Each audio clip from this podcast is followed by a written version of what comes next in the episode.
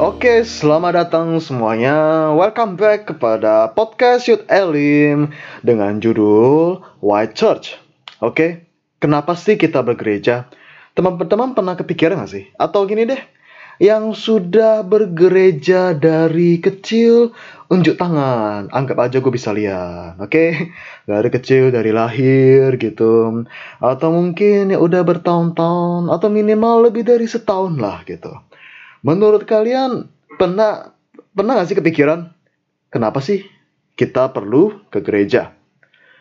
Emangnya kenapa kalau misalnya kita nggak ke gereja? Emangnya kenapa kalau kita di rumah aja ya, baca Alkitab sendiri, ngengengi sendiri, nggak usah berkomunitas dan lain-lain. Intinya nggak usah ke gereja deh gitu. Pernah mempertanyakan hal itu? Oke, okay?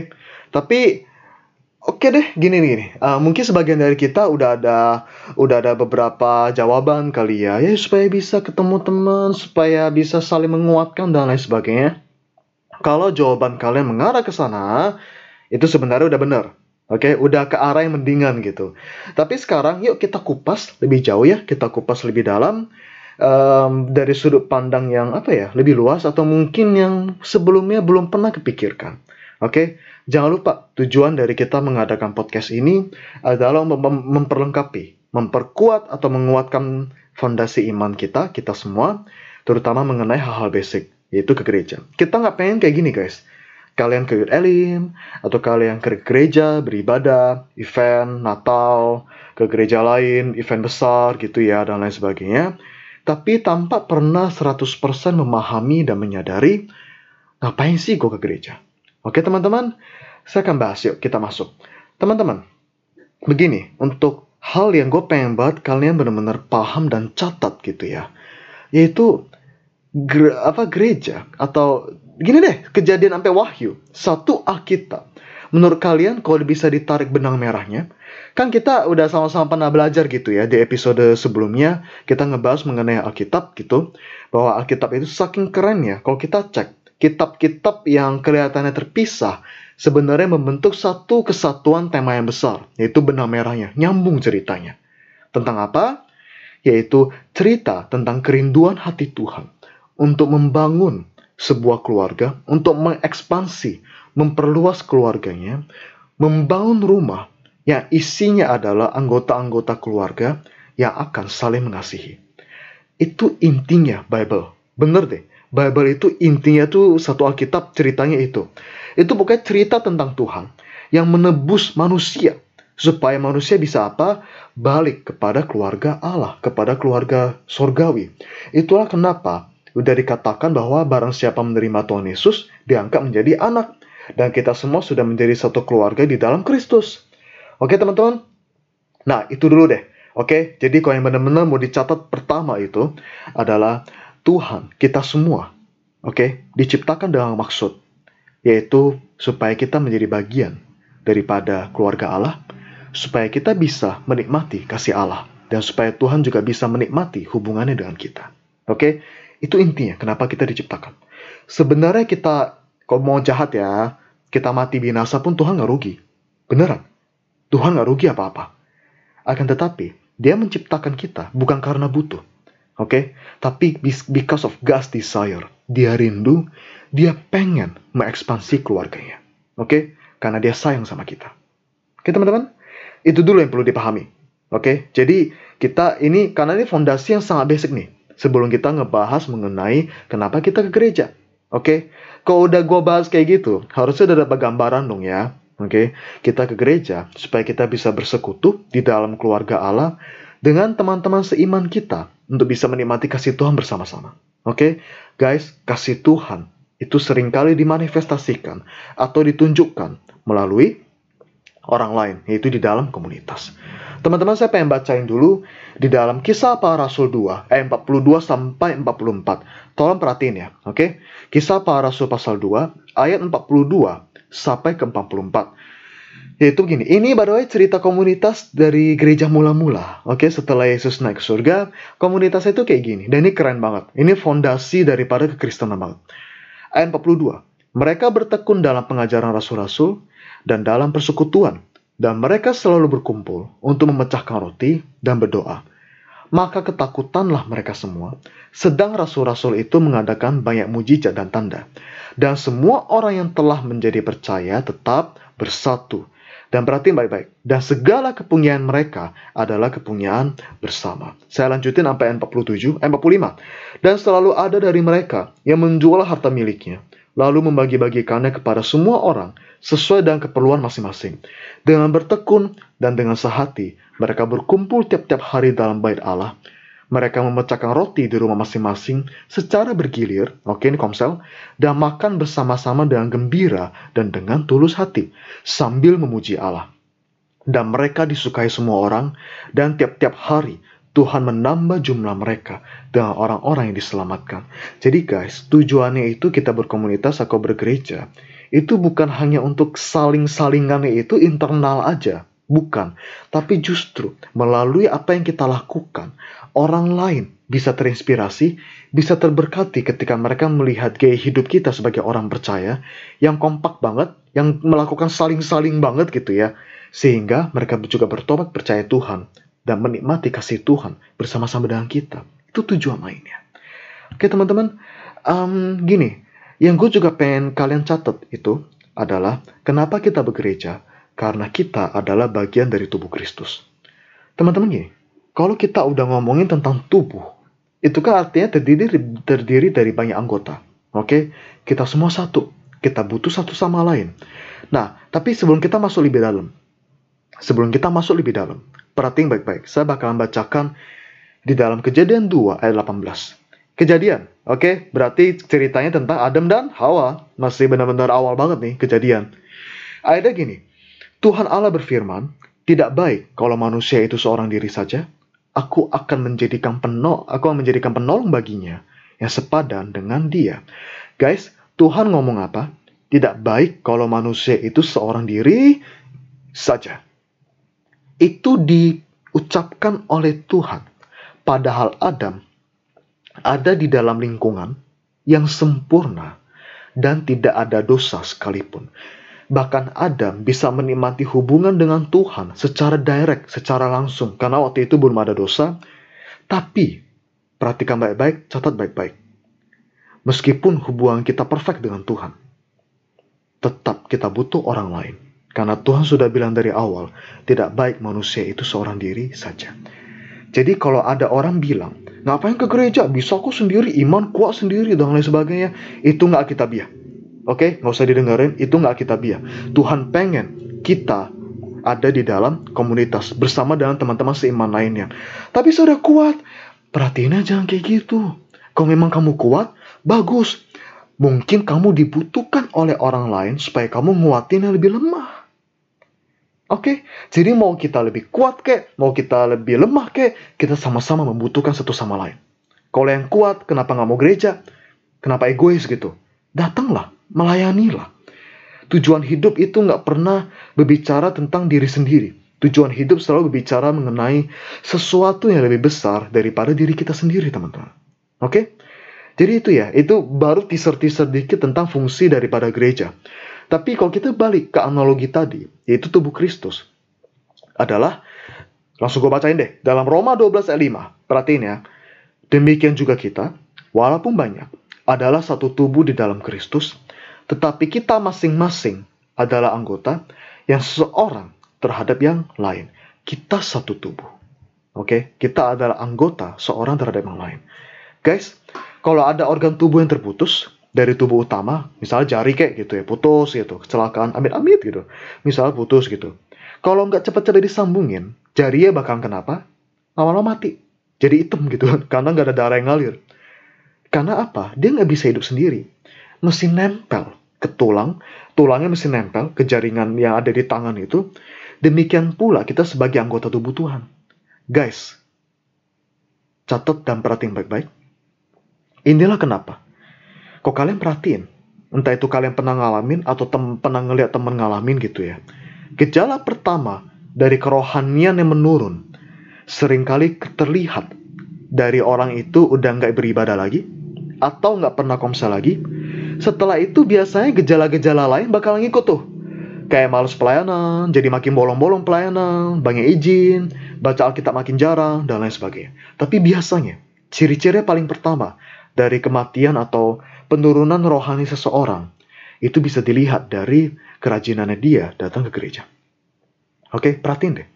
Biasanya kayak gitu, dimulai dari situ dulu. Kemudian baru pelan-pelan, rohaninya mati-mati-mati dan seterusnya. Dan saya nggak mau kita kayak gitu. Ya, jangan sampai Guys, mungkin ini udah pernah didengar gitu di episode kita kita berbicara tentang Alkitab. Cuma tubuh rohani kita butuh makan. Kadang kita nggak bisa dari diri sendiri gitu. Kita butuh orang lain, curahan curahan rohani gitu. Tuhan bisa pakai orang lain untuk memberikan berkat rohani kepada kita. Oke teman-teman.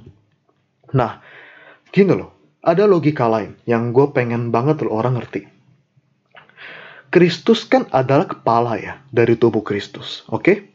Sekali lagi, kita tubuh Kristus, kita anggota-anggotanya. Kepalanya apa? Siapa? Yaitu Kristus. Tubuh Kristus itu gereja. Kepalanya itu adalah Tuhan sendiri. Guys, kita nggak bisa dong bilang bilang ke Tuhan kayak gini. Tuhan, aku cinta engkau, tapi gue gak suka sama tubuh lu. Gak bisa. Kalau kita mau cinta sama orang, ya kita kan nggak cinta kepalanya aja kita cinta seluruh kepribadiannya satu kesatuan tubuhnya gitu. Oke? Okay?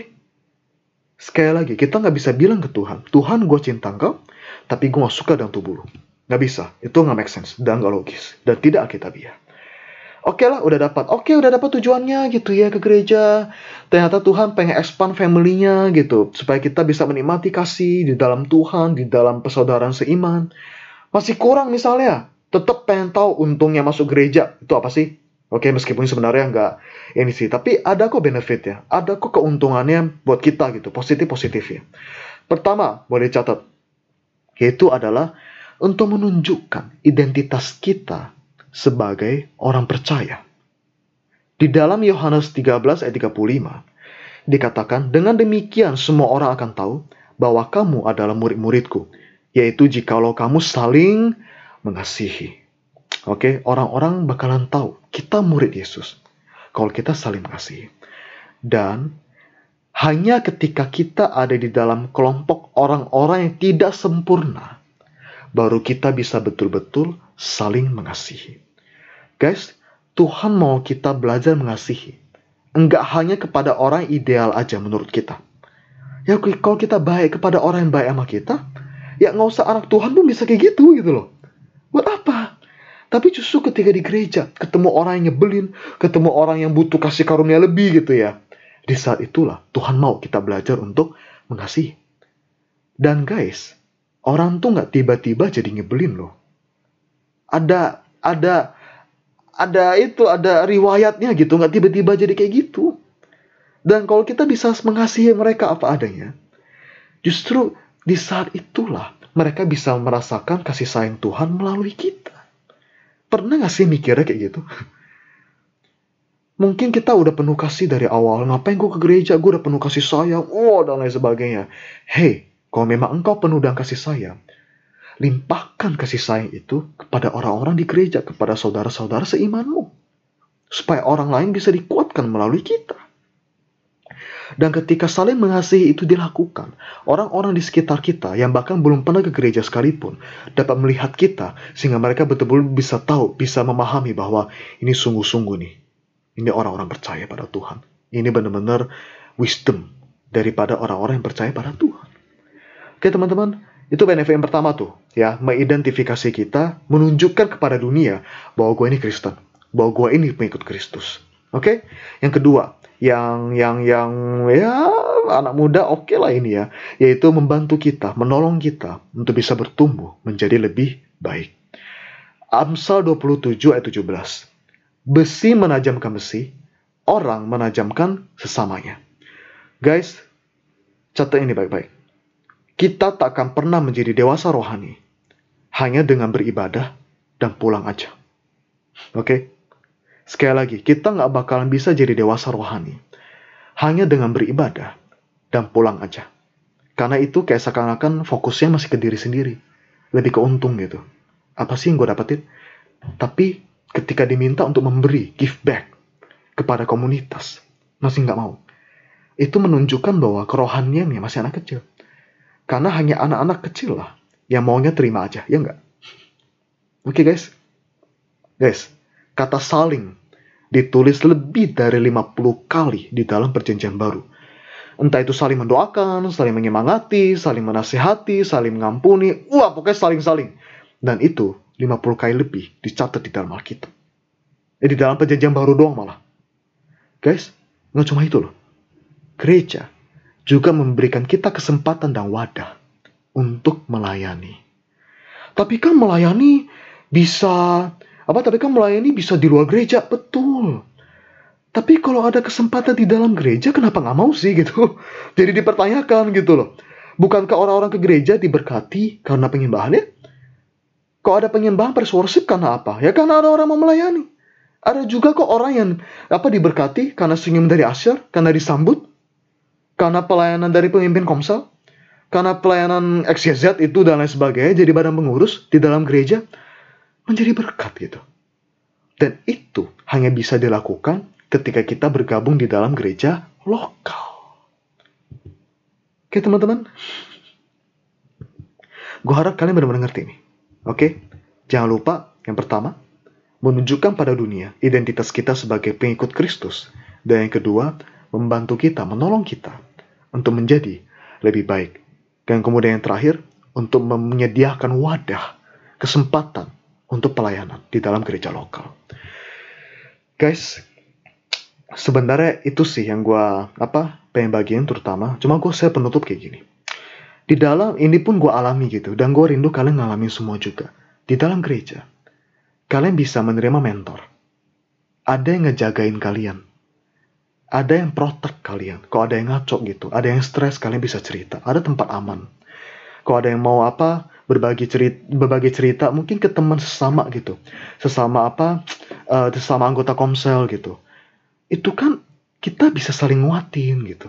Dan itu pun saya alami. Banyak pertumbuhan yang saya alami hanya ketika saya join di dalam gereja.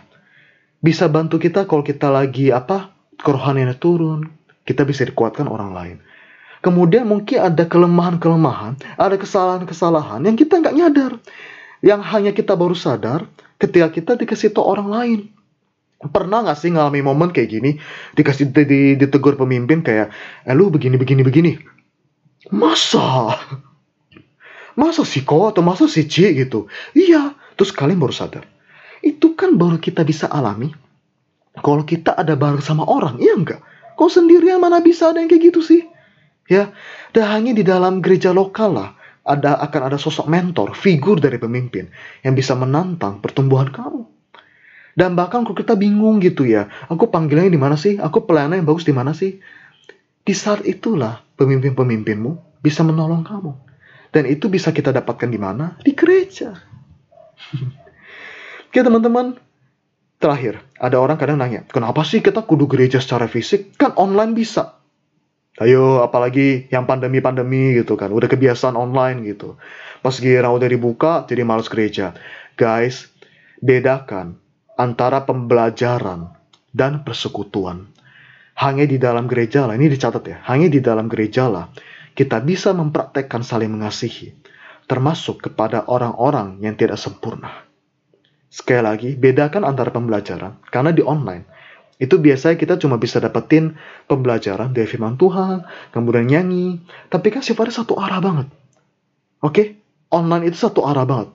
Hanya persekutuan, fellowship, itu bisa kita dapatkan di mana? Ketika kita datang ke gereja secara fisik. Kecuali guys, ada keterbatasan fisik, ada disabilitas, yang menghalangi kita, jadi kita susah ke gereja. Nah itu online gak apa-apa. Oke? Okay? Dan itu pun sebenarnya tetap bisa gitu online zoom pertemuan dan lain sebagainya. Tapi intinya kalau nggak ada gangguan gitu ya yang benar-benar urgent kita masih bisa jalan ke gereja. Ayolah. Karena hanya di dalam gereja lah kita bisa mempraktekkan hidup saling. Oke okay, guys? Rick Warren ngomong kayak gini God wants you to love real people not ideal people. Tuhan mau kita belajar mengasihi orang-orang asli dengan segala ketidaksempurnaan mereka tidak hanya kita mengasihi orang yang ideal buat kita. Oke okay guys, dan itu hanya bisa kita lakukan di gereja. Teman-teman percaya deh, banyak orang butuh kamu kok. Seriusan. Jadi, kalau memang ada kerinduan gitu untuk melayani, untuk bisa sharing gitu di ke dalam komunitas, lakukanlah. Saya yakin itu munculnya dari Tuhan kok. Oke okay, guys, karena keinginan Tuhan selalu berhubungan untuk menjadi berkat bagi orang lain. Itu aja dari saya, kita doa singkat ya. Tuhan terima kasih kami belajar diingatkan kembali Tuhan tentang pentingnya bergereja, mengapa perlu bergereja. Biarlah kami bisa mempraktekkan hidup saling. Dan apabila mungkin kerajinan kami kendor, ampuni kami. Biarlah kami bisa kembali Tuhan rajin untuk bersekutu bersama dengan saudara-saudara seiman kami. Terima kasih Bapa di dalam nama Yesus. Amin. Guys, thank you. Sampai jumpa di dalam episode podcast Youth Elim berikutnya. God bless you.